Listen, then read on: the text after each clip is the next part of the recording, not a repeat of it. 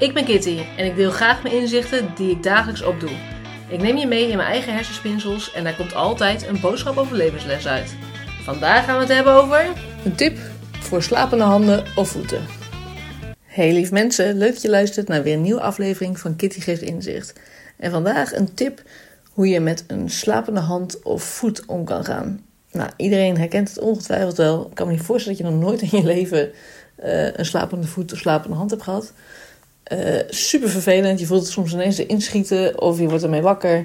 Uh, en je denkt van, ik, ik voel het niet meer. Of het voelt helemaal zo'n klompje aan. Of, nou, super irritant. En als je dan op gaat staan, bijvoorbeeld op je voet dan... Dan merk je gewoon dat die tintelingen, dat dat helemaal een sensatie geeft in je lichaam. Wat ook niet heel prettig is.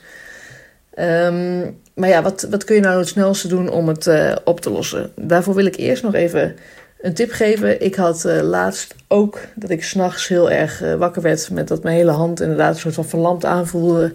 En helemaal dik. En ehm, zo voelde het, hè. Het was niet zo.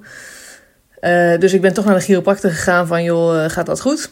Nou, nu ben ik natuurlijk zwanger, dus hou ik vocht vast. Dus is waarschijnlijk de reden dat dat ervoor zorgt dat het wat meer beknelt. En hij gaf dus een hele mooie nou ja, analyse eigenlijk. Of uh, in ieder geval voor mij dat ik dacht, oké, dat is goed te weten. Dat wist ik niet. Namelijk, als je hand op dat moment gewoon warm is nog...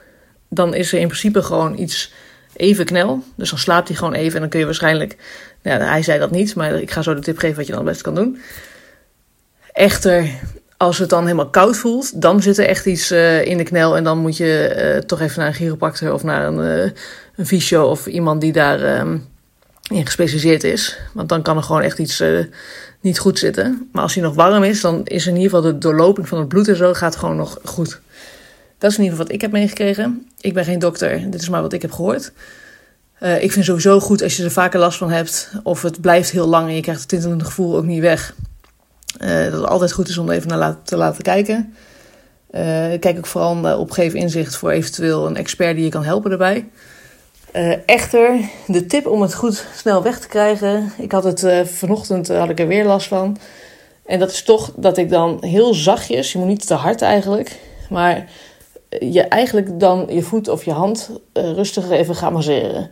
Dus eigenlijk gewoon bijvoorbeeld even één kant opduwen. Dus dat je je begint bijvoorbeeld bovenaan en je duwt gewoon een beetje zachtjes zo naar beneden toe. En dan pak je een nieuwe strook en dan duw je die zachtjes naar beneden toe. Zodat je daar een beetje gevoel en dan tegelijkertijd probeer je een beetje rustig cirkeltjes te draaien met je arm of met je hand. Uh, of met je voet, sorry.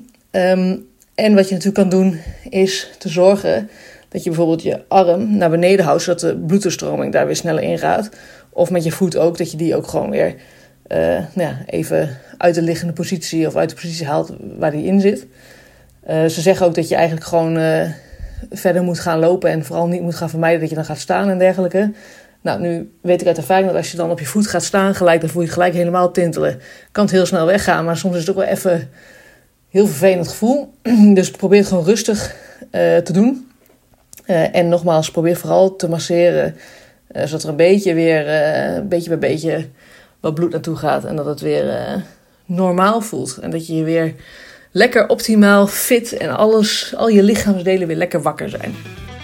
Mocht je deze aflevering nou interessant vinden, deel dat dan gerust op Instagram. Uh, dat kan in een post of dat kan in een story. Tag Kitty geeft inzicht. En wie weet help jij daarmee wel weer andere mensen met een mooi inzicht.